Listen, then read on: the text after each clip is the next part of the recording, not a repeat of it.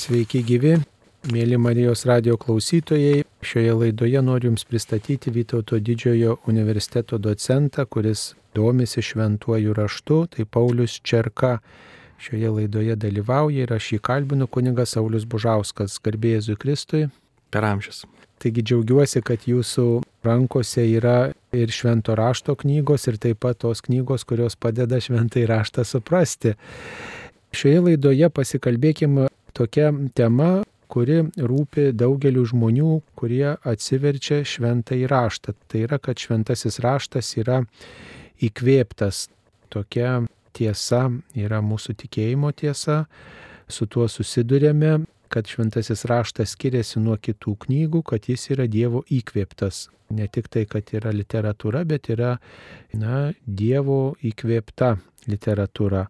Tai galbūt reikėtų pasakyti, kas yra tas įkvėpimas, kaip mes jį suprantame, įkvėpimą tokia žmogiška prasme, kad mus viešpats įkvėpia kažką daryti, neturiu įkvėpimo arba turiu įkvėpimą kažką daryti ir kad štai šventasis raštas taip pat yra Dievo įkvėptas. Taip, šventas raštas yra Dievo įkvėptas ir tą įkvėpimą paaiškinti ir išnagrinėti yra labai sudėtinga, taip kaip ir patį Dievą.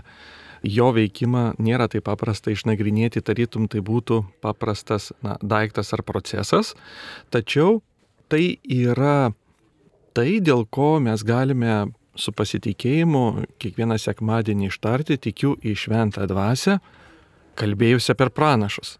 Būtent įkvėpimas mums laiduoja, kad čia kalba šventoji dvasia. Gal mes negalime paaiškinti iki galo labai aiškiai, kaip jį veikia, paslaptis slėpinys išlieka, tačiau mes atpažįstame ją kalbant.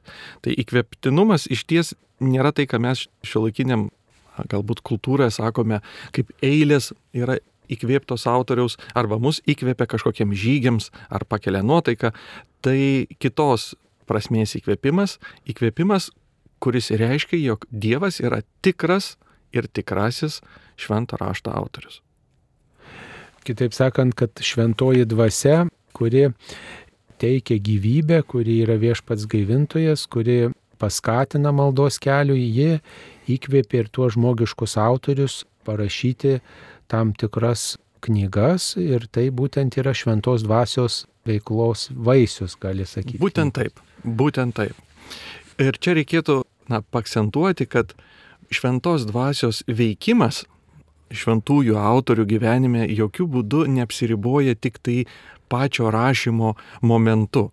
Tas veikimas prasideda visam jų gyvenime, apvaizdai veikiant ir jų situacijas, į kuriuos jie papuola, į tam tikrą suvokimą tų situacijų, mes pasakytume apšvietimą, vertinimą, idėjų parinkimą ir vėliau išdėstymą. Tai yra šventoji dvasia nėra tik tai paskutinėje stadijoje, tarytum kažkas užvaldanti anapusybės jėga prieš autoriaus valią, kažką bandanti padiktuoti arba jį parašyti. Priešingai, tai yra šventoji dvasia veikia visame jų gyvenime, visą laiką ir tam tikrų metų gimsta tai, kad Dievas iš anksto buvo nuplanavęs pasiekti per jų gyvenimą. Tai yra tas įkvėpimas liečia daug platesnį laiką negu tik patį techninį rašymą. Taip kaip štai paminėjote, jog žmogus gali būti įkvėpiamas rašyti poeziją, įkvėpiamas kurti kažkokius meno kūrinius, įkvėpiamas kažkokiam darbui, imasi, daro, ateina mintis, ateina idėjos, ateina paskatinimas toksai. Ir tikrai tada žmonės džiaugiasi gražiais darbo vaisiais. O kaip atpažįstamas yra tas šventosios dvasios įkvėpimas, kaip bažnyčia atpažino, kad vienos ar kitos knygos yra būtent Dievo įkvėptos, kad per jas kalba būtent šventoji dvasia visai bažnyčiai. Tai iš ties pirmą labai tiksliai paminėjote, kad atpažino bažnyčią. Tai nebuvo individualus knygos, tarytum, atpažinimas, atpažino ištisos bendruomenės ir šis procesas taip pat nebuvo lengvas. Dėl kai kurių knygų, tarytum, viskas buvo aiškiau, o dėl kai kurių aiškumo tokio nebuvo. Ir bažnyčia niekada neskubėjo tarti galutinio žodžio, leido tam tikrą prasme ir laikui išbandyti knygas, leido kad jos būtų laikė patikrintos, atlieptos ir dėl kaip kurių knygų, pavyzdžiui, apreiškimo Jonui knyga kėlė klausimų. Ji nebuvo akivaizdžiai atpažįstama, bet laikui bėgus buvo pasiektas tarytum bendras sutarimas, kad iš ties atpažįstama yra šventoji dvasia kalbanti ir per tą knygą. Kai kurių laiškų buvo abejonės, Senam testamente net rabinam kilo abejonių dėl gesmių gesmės, galim, galbūt, ką žinom, jos turi irgi nuvokti, kad jinai tikrai neįprasta būtų mums knyga. Ir ekleziasto knyga kėlė klausimų, kadangi joje, na, Dievas tiesiogiai neminimas. Buvo tam tikrų ir abejonių. Tačiau jos išdiskutuotos ramiai laikui patikrinant nusėdant tam tikram klausimams, juos ieškant atsakymų, buvo atpažinta, kad iš ties Dievas yra. Tai skubos jokios nebuvo, buvo leista išsiginčyti, išsidiskutuoti ir šiandien mes jau džiaugiamės to vaisiais. Duoto atveju mes dėkingoje esame padėtyje, kad įsigiję šventą raštą, na, nebeturime to uždavinio galvosokio bandyti atpažinti. Ta darba, ta kelionė jau yra Dievo tauta praėjusi iki mūsų. Tai čia ne tik tai turbūt viena bendruomenė, bet ir kitos bendruomenės, įvairios bendruomenės per įvairius laikotarpius turbūt suprato, jog tos knygos ugdo tikėjimą ir taip pat skatina pasirinkti viešpati, pasirinkti gyventi pagal tikėjimą, kitaip sakant, prisideda ne prie supriešinimo, bet prie tokio vienijimo, prie tokio Dievo išpažinimo, prie atsigrėžimo į vieną viešpatį. Taip. Čia, aišku, reikėtų šiek tiek skirti daryti. Seno testamento formavimasis turi tam tikrų niuansų. Naujo testamento knygos jos turėjo šiek tiek aiškesnius kriterijus, turėjo būti ryšys su paštalų mokymu ir atpažįstamas. Ir nuo pat pradžios priimamas kaip autoritetingas mokymas. Matot, apaštalo Pauliaus laiškai nuo pat pradžių, pavyzdžiui, buvo skaitomi bendruomenėse, jos netgi dalindavosi viena su kita ir pakankamai dideliuose teritorijose jie išplito kaip autoritetingas Euharistijos šventimo metu kartu su kitais šventais raštais, ką vadintume Senuoju testamentu, buvo skaitoma. Ir tos bendruomenės jau iš pat pradžių jos priemė kaip, kaip nepaprastą tekstą, o kaip tam tikrą šventą ir Dievo veikimų pagrystą. Ir vis tik buvo leista, na, nediktuoti to, bet dalintis tikėjimu ir kaip paaiškėjo, kad daugelis bendruomenių priema tuos pačius tekstus, buvo aiškiai atpažįstama, kad, na, visa Dievo bažnyčia atpažįsta Dievo įkvėptinumą dėl, kaip sakiau, dėl keleto laiškų būta didesnių diskusijų, niekada nebuvo skubėta ir nusistovėjo, sakykime, tas klausimas. Bet kai kurie dalykai jau labai anksti, reiškia, paštalo Pauliaus laiškai ir taip pat apie kuriuos jau Petras savo laiškė mini, vadina paštos Pauliaus laiškus su kitais raštais. Reiškia, mes matom labai ankstyvą Evangelijų, kiek žinom iš istorijos, yra pašto Pauliaus laiškų prieimimą kartu lygiaverčius su kitais raštais, ką judaizmas jau turėjo tuo metu. Bet įdomu, kai kildavo diskusijos dėl to įkvėpimo, įkvėptumo, ar tai tikrai Dievo įkvėptos knygos, ar čia yra tik tai pamaldi žmonių kūryba tokia, koks buvo tas argumentas, kuris nulėmė įvairių bendruomenių, įvairių žmonių tokį pasirinkimą ir tą tikėjimą, kad va būtent ta knyga yra Dievo įkvėpta, būtent šita. Tai čia vėl priklauso, aišku, dėl Evangelijų kalbėtume ar apie laiškus, bet iš principo buvo reikalaujama, kad būtų autentiškas ryšys arba tiesiogiai su apaštalais ir jų mokymu. Tai Naujam testamentui tas reikalavimas buvo, taip pat buvo tikėjimo mokymo sklandumas ir grinumas, nes bažnyčia tikėjimą turėjo dar iki Naujojo testamento susiformavimo. Tai pats viešpats Jėzus paliko savo mokiniams tikėjimą.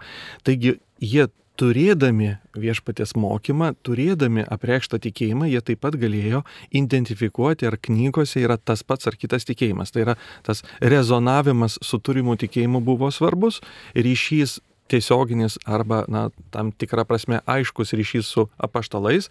Pavyzdžiui, Lukas ir Morkus nėra apaštalai tiesiogiai, greičiausiai tiesiogiai negirdėję viešpaties Jėzaus žemiško gyvenimo metu, bet jie abu turėjo ryšį su apaštalais. Morkus turėjo su Petru, o Lukas su apaštalu Pauliumi ir tokiu būdu tas kriterijus irgi buvo patenkintas.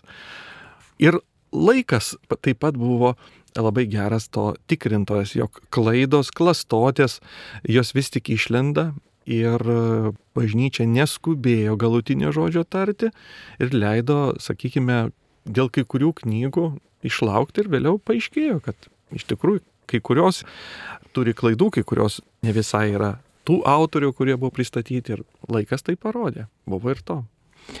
Švento rašto autoriai yra, galima sakyti, kiekvienos knygos autoriai yra bent keli. Tai net jeigu ir priskirtume vienam autoriui vieną kažkuria švento rašto knygą, žmogiškam autoriui visada tas kitas autorius yra Dievas. Tai bet kurios švento rašto knygos autoriai yra žmonės arba vienas žmogus ar keli ir taip pat pats viešpats, kuris tą žmogų įkvėpė, paskatino, ar keli žmonės vieną ar kitą tekstą parašyti, paskatino, vedė, įgalino, kaip sakant, suteikė tą galę, drąsą, užmojį perteikti tikėjimo dalykus. Tai turbūt čia neišvengiamai mes susidurėm su tokiu stereotipu, galbūt mums mūsų mąstymė yra toks pavojus svarstyti, kad štai žmogus sėdi galbūt kažką veikia ir vat ateina toks paskatinimas rašyk ir jis paima ir rašo, tiesiog diktuoja kažkas, ką reikia rašyti. Ar tai yra tas įkvėpimas, ar tikrai mes taip tada teisingai suprantame, kad vat, buvo vienas ar kitas autorius įkvėptas ir parašė. Kaip čia reikėtų tai, tą suprasti? Iš ties mes turbūt turim patys tam tikrą nuovoką, kaip tos šventos knygos turėtų skambėti. Ir čia krikščionybė su šventu raštu tikrai išsiskiria tuo būdu, kad visiškai krikščionybė neneigia, priešingai patvirtina, kad šventųjų knygų autorius tikrąją to žodžio prasme, tikras autorius taip pat yra žmogus, galbūt ir keli žmonės atitinkamos knygos autoriai.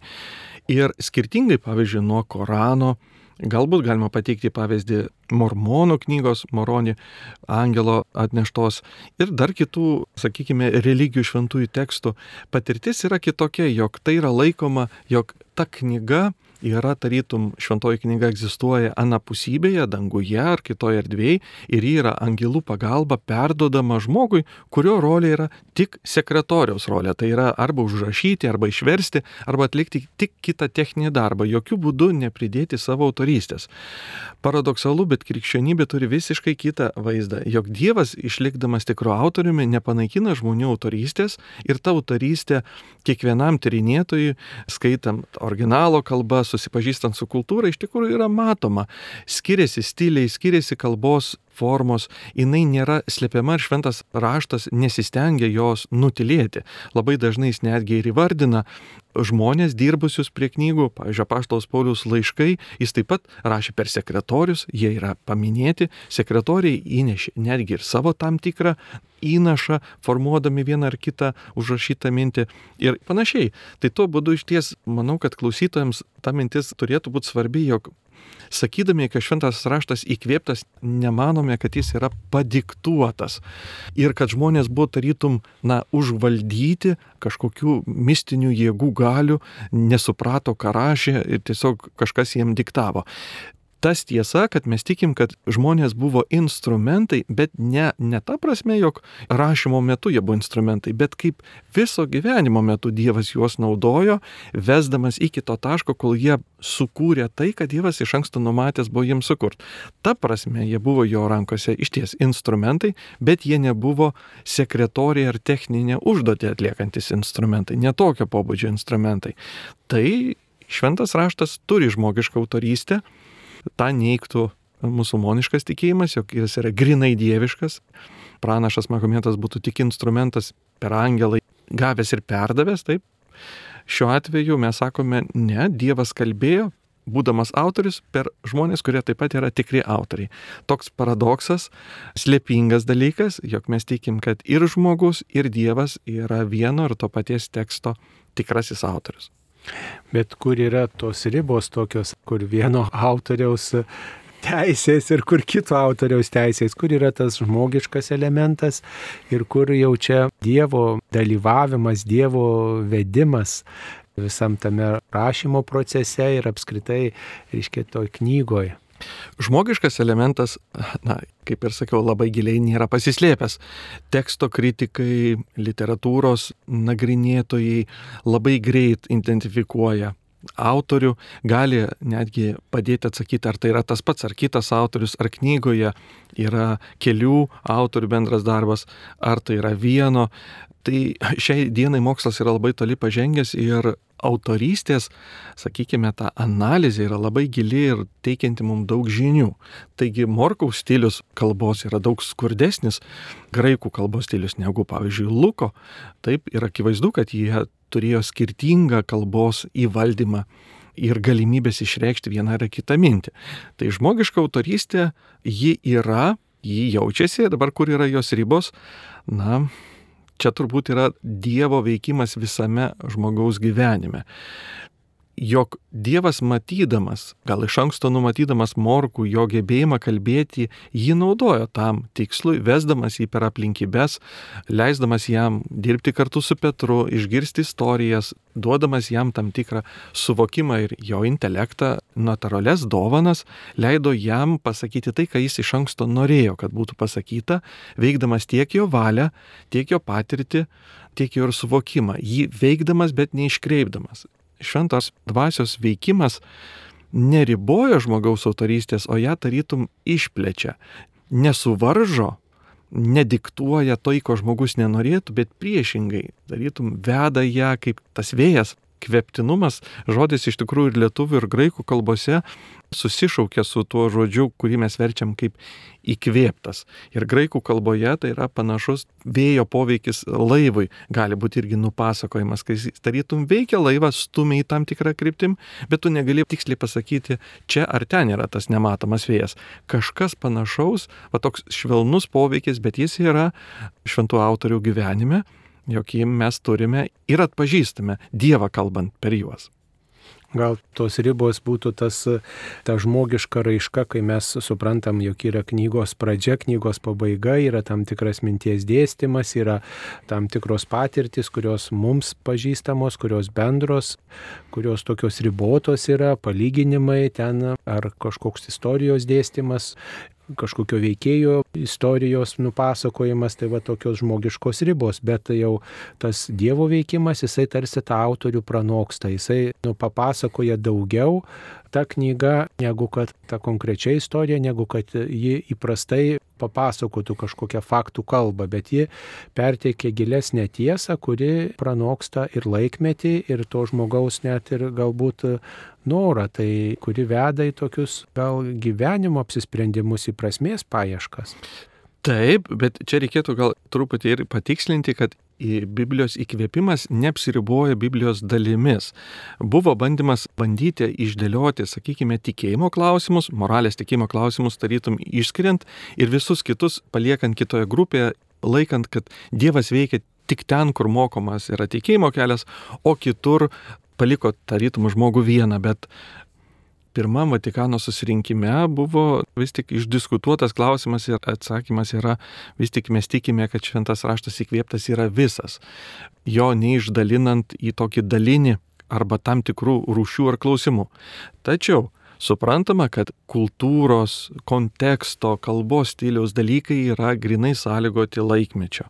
Jie nėra antgamtiniai patys savyje, juos tenka atpažinti, juos įvertinti ir čia ypatingas dalis jau yra vertėjams sugebėti juos tinkamai perteikti mums, į mūsų laikmetį perkelti ne tik pažodžiui išverčiant vieną kitą žodį, bet sugebant perteikti ir sakinį, ir skyrių, ir ištisą idėją. Ir tai iš tikrųjų didelis iššūkis, nes juk vertimas neapsiriboja žodžių vertimo, tai tam tikrų būdų reikia išversti mintis iš vieno mentaliteto, ypatingai mums netokio jau ir artimo mentaliteto, kurie gimė šventą rašto idėjos, ypatingai Seno testamento idėjos į mūsų 21 amžiaus lietuvišką mentalitetą. Tai va tas adaptavimo darbas vertėjai yra didelis iššūkis. Na, tai čia perteikti mums suprantamai žodžiais ir mūsų vartojama kalba tai yra viena, bet vis tiek pasakojamai įvairūs įsireiškimai, kurie galbūt būdingi tik tai tai kultūrai, tik tai tam laikmečiui arba tai asmenybei, yra įkalinti tokiam žmogiškume, ribotume. Tai va, vienas tas ribotumo aspektas. Tačiau tikime, kad šventasis raštas yra universalus, kalba ne tik tai tiem žmonėms, kurie ten yra tiesioginiai veikėjai arba jų aplinko žmonėms, jų tauto žmonėms, jų krašto žmonėms, bet kalba visiems, visai žmonijai, įvairiems laikmečiams, įvairaus įsilavinimo žmonėms.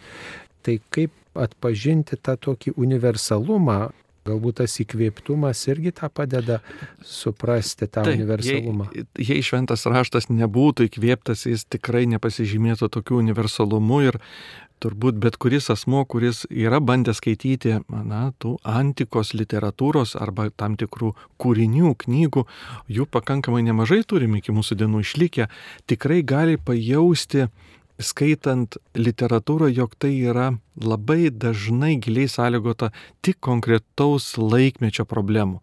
Ir labai retai jos mums labai tolimos, sunkiai adaptuojamos.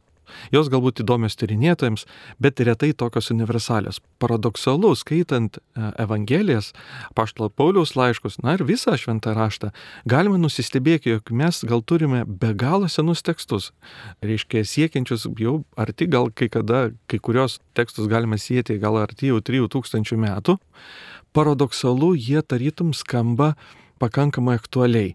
Ir tai yra neįprasta susidūrus tiesiog savo patirtim, skaitant vieną ar kitą knygą, tu jauti, kad ji yra pasenusi.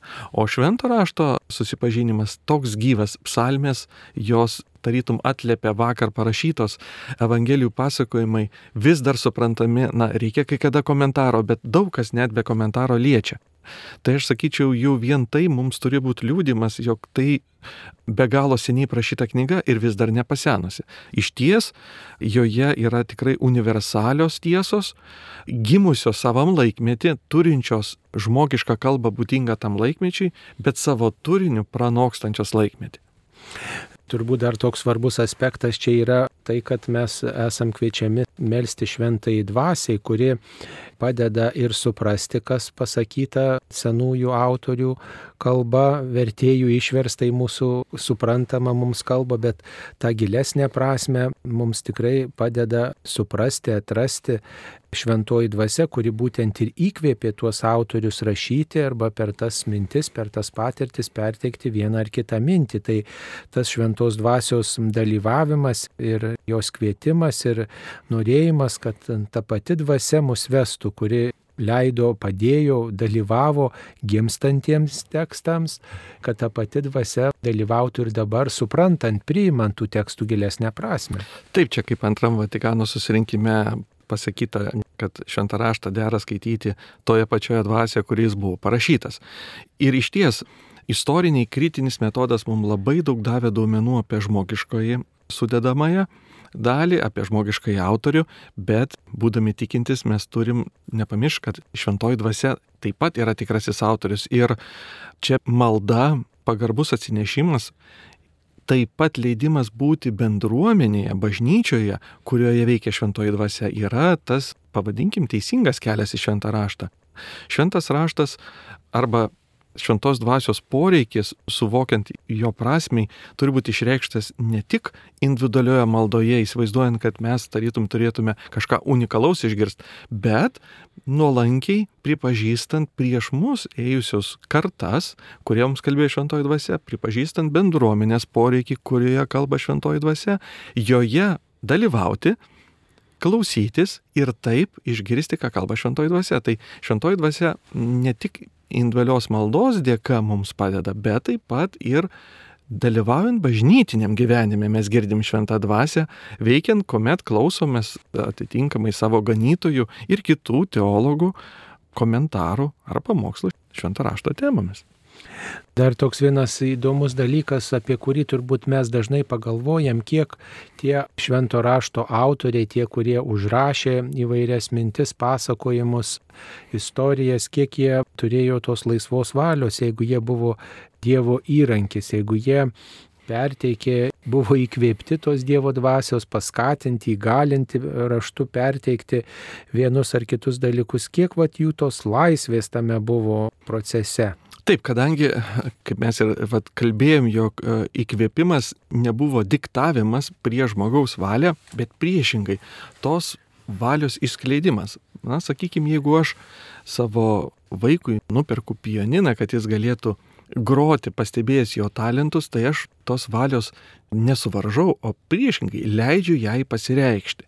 Leidžiu jai pilnai pasireikšti. Tai šiuo atveju šventos dvasios įkvėpimas nevaržė autorių, žemiškųjų autorių valios, bet paradoksaliai leido tai valiai, kaip sakyt, pilnai pasireikšti ir išreikšti, na, save taip pat, ką autoris norėjo pasakyti. Tiesiog tai, ką jis norėjo pasakyti, buvo ir tuo pačiu ir Dievo užmanimo idėjai už jo stovinčio. Iš tikrųjų, gero tokio palyginimo, kaip gali būti vienas ir tas pats tekstas kelių autorių, mes neturime. Todėl, kad tai yra ir slėpinys. Labai panašus šis slėpinys yra į paties viešpaties Jėzaus įsikūnymą. Mes tikime, kad jis buvo tikras Dievas ir tikras žmogus. Ne pusė Dievo, pusė žmogaus, bet tikras Dievas, tikras žmogus. Ir šventuojam rašte mes atpažįstame panašų arba galbūt net ir tą patį paradoksą, nes juk mes kalbam apie Dievo žodį, kuris savo esmė ir yra Dievas sunus. Tai šventojo rašto autorystė yra vėl ta paradoksali tikras Dievas, tikra dieviška autorystė ir tikra žmogiška autorystė. Kaip tai gali būti? Na, nėra aišku, bet tai tarytum pranoksta mūsų protą, neprieštarauja, bet pranoksta protą. Ir nežinau, aš čia tiesiog samprotauju, galbūt kažkas panašaus galėtų būti, kaip pavyzdžiui, tėvai veikia savo vaiko gyvenime, leidžia jam kažką nupiešti, bet labai turi didelį įtaką, ką vaikas mato, instrumentus, kuriuos jiems duoda, mokymus, kuriuos piešimo jis praeina. Jie iš ties labai daug daro įtaką savo vaikui ir kažkuria prasme gimdo tą piešinį, nujausdami, nuvokdami, koks jis turėtų būti, bet kartu ir vaikas paaišo tai, ką jis nori, tėvų padedamas. Tai kažkas tokio būtų, jog Dievas veikia visam šventautoriaus gyvenime, vesdamas jį į tą būseną, į tą tašką, kuriame gims tekstas ir pats autorius, tarytum tam taške, nori sakyti tai, ką jis ir sako. Toks bendradarbiavimas išlaikant ir vieną, ir kitą. Turbūt labai svarbu, skaitant šventą įraštą, prisiminti ir suprasti tokį dalyką, kad mes skaitom ne tik tai literatūrinį tekstą, kuris ta literatūrinė prasme irgi gal buvo įkvėptas tekstas, kad jį kūrė žmonės tikrai labai gražiai, literatūriškai viską išdėliodami originalo kalba, bet taip pat, kad per tą tekstą tas autorius išgyveno Dievo artumą ir taip pat mes tą tekstą skelbdami, skaitydami, juo melzdamiesi, taip pat išgyvenam Dievo artumą. Kitaip sakant, kad tai yra būdas sutikti gyvą Dievo asmenį. Čia turbūt irgi yra tas įkvėpimo toks testinumas, kad Taip. Dievo dvasia įkvėpė tuos žmonės ir ji dabar mus taip pat skatina vis dėlto tas pačias prasmes atrasti, gal atpažinti, kur tas Dievo žodis ir mane šiandien maitina. Tai reiškia, aš susitinku asmenį, kuris man kalba Dievo asmo, kuris yra gyvas. Ne autorius tas nėra numiręs, nors žmogiškas autorius ir yra miręs vienos ar kitos švento rašto knygos, bet pats Dievas tai jis yra gyvas ir jeigu aš jį kviečiu, jeigu jo šaukiuosi, tai jis taip pat gali man atskleisti per tą tekstą, kuris maitino milijonus, milijardų žmonių iki manęs, kad per tą tekstą aš aš galėčiau gyvą į Dievo asmenį patirti, sutikti ir atpažinti jo veikimą ir savo gyvenime. Labai taikliai, labai taikliai jūs išreiškėte ir aš sakyčiau, sekmadienio pamaldose, šimtų mišių metu, kai mes girdime atsistoję, klausomės Dievo žodžio, skaitant, juk baigėsi skaitiniai tai žodžiais, tai Dievo žodis. Ir mes atlėpėm dėkojame Dievui. Kodėl tai Dievo žodis? Nes kalba pats Kristus. Skaito skaitovas, skaito knygą, bet mes girdime jau daugiau nei skaitovą, girdime daugiau nei paprastą skaitinį, mes girdime patį Kristų kalbant. Ir taip kaip Kristaus pamokslai, jo žemiškos kelionės, metu palėtė klausytojus taip, jos lygiai taip pat jis, jos gali paliesti ir mus girdint tuos pačius žodžius, nes kalba tas pats, o ne kitas Kristus. Jis yra toks pat gyvas ir paveikus. Neveltui laiškė žydams yra na, garsi ta ištarė, jog Dievo žodis yra gyvas ir veiksmingas, aštresnis už bet kokį dviešmenį kalavyją, prasiskverbintis iki pat sielos ir dvasios atšakų. Ir būtent tai ir vyksta kai mes priemame jį kaip nepaprastą literatūros kūrinį, o dieviškai įkvėptą, patį Dievą kalbantį. Na, o tai yra ir literatūros kūrinys. Čia reiktų pasakyti, kad neneigiant to, jog šventam rašte mes turime, galbūt ne visi klausytojai, sakykime, yra su juo susipažinę ir galima tikėtis, kad šventas raštas bus tarytum panašus į kokį tai katekizmą ar teologinį žinyną, enciklopediją. Ne, iš ties jis susideda iš atskirų knygų, ilgesnių ir trumpesnių, kurios turi savo literatūrinius žanrus ir išlieka ir tuo pačiu ir senovinė literatūra. Tai yra daugiau ne literatūra, bet ir literatūra ir netgi tie, kas galbūt iš pradžių nedrįsta paimti savo rankas kaip dieviško žodžio, galime paraginti juos pabandyti paimti bent jau kaip žmogišką žodį, pradėti nuo to ir patiems įsitikinti, ar tai vien tik literatūra. Na, visada reikia turbūt turėti tokio atvirumo, atvirumo šitoj vietoje, ne vien tik tai savo žmogiškų protų bandyti suvokti, nes taip tai gali pasirodyti neįkandamas riešutas, bet kai ateinu prie to, kuris gali man ir padėti atskleisti, suprasti šitą dalyką ir to melžiuosi, tuomet net tas sėkmės kelias visada tikresnis ir galimesnis negu kad vien savo jėgomis. Norėčiau suprasti šitą tekstą. Dar vienas dalykas, kurį reikėtų aptarti ir kuris turbūt gal ir kai kuriems žmonėms svarbus, tai yra pabandykime aptarti tą įkvėpimą ir apreiškimą. Mes suprantam ir svarstom šitoje laidoje, kad Dievo žodis yra įkvėptas, tai yra Dievo dvasia paskatino, įgalino žmonės perteikti raštu vieną ar kitą mintį, situaciją, patirtį, istoriją. O kaip tada galėtume apibūdinti, kas yra apreiškimas? Taip, Dievas kalba su žmonija, su žmogumi žmogišku būdu. Ir jei Dievas nebūtų norėjęs laisvai iš meilės su mumis kalbėtis, mes nebūtume gebėję vien savo išvalgą jį suvokti. Apriškimas, taip ką pažodis ir sako, jis parodo save. Ir mums atrodo, kad galbūt mes patys pajėgus suprasti, koks yra Dievas, bet iš ties jis tiek toli nuo mūsų, kad jis pats, jei nori, gali save priekšti, tačiau, ačiū Dievui, jis panorėjo tai daryti ir apriškimas yra visas jo veikimas išganimo istorijoje, tiek žodžiais, tiek darbais. Dievas apreiškia save visų savo veikimu. Todėl nėra tikslu sutapatinti jo veikimą žmonijos istorijoje darbais ir žodžiais vien tik su švento rašto susiformavimu. Taip, tiesiog tai yra glaudžiai susiję dalykai, bet ne tapatus.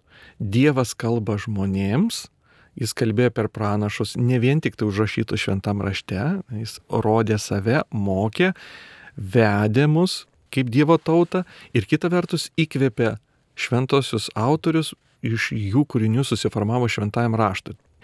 Tai yra, na, susiję procesai, bet jie nėra, sakykime, identiški. Apriškimas taip pat yra perdotas būtent katalikiškų požiūrių ir nerašytiniam priemonėm. Tai yra, ką mes laikome šventąją tradiciją. Dalykais, kurie neišreiškiami yra aišku tekstu. Maldose, praktikose, darbose, meilė, pavyzdžių, liturgija ir tais bažnytinio intensyvaus gyvenimo formomis taip pat buvo perdota, na, apriškimas ir, ir tomis formomis perdotas. Tai šventasis raštas nėra susitapatinęs su visų apriškimu, bet glaudžiai susijusi tema, taip atsakyčiau. Kitaip sakant, tas įkvėpimas, tai tas įgalinimas perteikti tai, ką viešpats nori dovanoti mums, atskleisti apie save, kas jis toks yra. Pati tiesa yra, reiškia, prieškimo objektas. Dievas nori atskleisti tiesą, vieną ar kitą tiesą apie save. Ir jis tiesiog paskatina žmonės tą daryti ir įkvepia žmonės tą prieškimo tiesą užrašyti per savo žmogišką patirtį. Ir užrašyti per savo žmogišką patirtį todėl, kad kiti to nesupras, jeigu bus vien tik tai Dievui žinomų būdų perteikta. Vis taip, Dievas kalba žmogiškų būdų. Taip, reikia mums, reiškia, to žmogiškos patirties, bet kaip Dievui reikia prisitaikyti prie mūsų žmogiškumo, kad jis galėtų atskleisti tiesą apie save. Tai dėl to matyti reikia ir įkvėpti žmonės tą daryti ir išlaikyti tą ištikimybę, kantrybę turbūt ir kartu, na, vat, vis dėlto parinkti, padėti žmogui, galbūt paskatinti jį ieškoti tų įvaizdžių, tų palyginimų, išminties kažkokių žodžių, per kuriuos galėtų žmogus žmogiškų būdų perteikti, kas yra Dievas, kokia jo valia, kaip tai priimama istorijoje, kad mes visi galėtume priartėti prie to Dievo asmens. Taip. Dar vienas toks aspektas, kurį gal šiek tiek ir palėtėm šitoj laidoj, tačiau yra ta švento rašto knygų įvairovė. Ten yra be galo įvairių žanrai, įvairi specifika tokia, bet vis tiek tas Dievo žodis, galima sakyti, yra vientisas ir, ir lygiai taip pat įkvėptas, kaip tie skirtingi žanrai dera su tuo įkvėptumu. Tai, tai galbūt būtų vienas iš ir argumentų, jog šventasis raštas kuriame yra 73 knygos ir tikrai gan įvairios žanrų prasme, jos apjungtos yra tam tikrų vienų pasakojimų, vienų naratyvų, vedančių į viešpaties Jėzaus Kristaus įsikūnymą, jo gyvenimą, mirtį ir prisikelimą. Tai atrodytų istorija viršyje tūkstantį metų ir autorių pačių skaičius taip pat yra dešimtis, tačiau paradoksaliai jie dera vienas su kitu. Tai toks neįprastas dėrėjimas tiek daug skirtingų autorių ir laikė liūdytų, kad už jų stovi vienas autorius, kažkoks bendras autorius. Tuo būdu. Na, o toliau galima pasakyti, kad vyraujantis žanras šventam rašte yra naratyvinis pasakojimas. Jis prasideda pradžios knygoje, tęsiasi per penkiaknygę arba Mozės torą į pranašus ir kulminuoja į Evangelijos naratyvą, Jėzaus Kristaus pasakojimą, jo gyvenimą, mirtį ir prisikelimą. Ir vėliau ankstyvosios bažnyčios gimimą. Tai šiuo atveju šis žanras vyroja ir jis apjungia. Paskui sekantis, šis žanras beje turi beveik apie 40 procentų, pavadinkim, viso švento rašto. Sekantis būtų poezija žanras. Ir vėliau lieka, va, jau diskursai, kaip tokie laiškai, pamokymai, kuriuose yra jau, na, toks mokomasis žanras, bet vyroja vis tik pasakojamasis. Ne enciklopedija, ko mes galėtume turbūt na, įsivaizduoti, kad ten turėtų būti šventam rašte. Ne katekizmo tiesų vardinimas, toks sisteminis tikėjimo aiškinimas, bet vienos istorijos vystimas, kuris prasideda nuo pradžios, formuojantis Dievo tautai iš Abromo ir tos tautos visas gyvenimas ir Dievo veikimas jame yra švento rašto, na sakykime, tas siūlas susijęs iki jo išsipildymo Dievo tapusio žmogumi gyvenime. Kad įkvėptumas nėra tik tai čia teologų sugalvota savoka, nėra tik tai čia tokia išmonė, kad kaip painiau viską kaip sakant, padaryti ir kaip pristatyti tikėjimo dalykus mes galim suprasti iš paties švento rašto, nes šita savoka yra ir šventam rašte. Atsiverčiame šventą įraštą, antrasis laiškas Timotiejui, trečias skyrių, šešiolikta eilutė. Visas raštas yra Dievo įkvėptas ir naudingas mokyti, barti, taisyti, auklėti teisumui. Taigi apaštalas Paulius reiškia rašo, kad raštas yra Dievo įkvėptas. Kitaip sakant, nors rašė žmonės, bet vat, yra tas įgalinimas, paskatinimas, paraginimas, padrasinimas, palaikymas toksai ateinantis iš Dievo dvasios rašyti vienus ar kitus dalykus. Ir taip pat antrasis Petro laiškas, pirmasis skyrius nuo 20 iki 21 eilutės. Pirmiausiai žinokite, kad jokia rašto pranašystė negali būti savavališkai aiškinama, nes pranašystė niekuomet nėra atėjusi žmogaus valia, bet šventosios dvasios paakinti žmonės kalbėjo Dievo vardu. Taigi, Vat ir dar viena eilutė, kuri primena, kad įkvėpimas tai yra šventosios dvasios paakinimas. Galbūt tai irgi padeda Taip. suprasti, kas yra tas įkvėpimas. Taip, šitas beje žodis, kurį buvo bandyta išversti sunkiai lietuvių kalbą pasiduoda, lengvai išverčiamas, bet paakinti buvo pasirinktas, na, toks vertimas jis iš tikrųjų yra fero, kuris panaudojimas buvo Lukui rašant apaštalų darbų 27 skyrių 15 lūtėj rašant taip, kad jis pagavo laivą, nepajėgus jam priešintis, tai yra vėjas ir mes turėjome jį leisti pavėjui. Tai duoto atveju pavėjui irgi buvo tas pats žodis išverstas, na, vadinkim, vėjo sroviai nešant, pakintas, apimtas, įkvėptas. Čia jau aišku, sakykime, nėra tokio tikslaus lietuviško atitikmens, bet būtent veikimas yra toks, tarytum, vėjas neša laivą. Jis jo neužvaldo, jis netima iš jo, sakykime, kažkoks laisvos valios, bet leidžia jam tam tikrą kryptį pagauti, tam tikrą nuostatą. Ir šventos dvasios veikimas tikrai tai žodžiais yra apibūdintas, tai simboliais. Taigi gal apibendrinkim šitą laidą, ypač tiem žmonėms, kurie jos ne nuo pradžių pradėjo klausytis, kas yra tas įkvėpimas ir kodėl sakom, kad šventasis raštas yra Dievo įkvėptas. Todėl, kad Dievas kalba žmogišku būdu, tačiau yra tikrasis švento rašto autorius. Ir sakydami, jog tikime į šventą dvasę, kalbėjusi per pranašus, mes ir išpažįstame, jog šventasis raštas yra Dievo įkvėptas. Kitaip sakant, pats Dievas per žmogiškus įvaizdžius kalba mums ir kalbėjo autoriams, juos paskatino rašyti tos tekstus ir taip pat maitina visą bendruomenę, maitina jos tikėjimą ir padeda Dievo asmenį sutikti. Taip.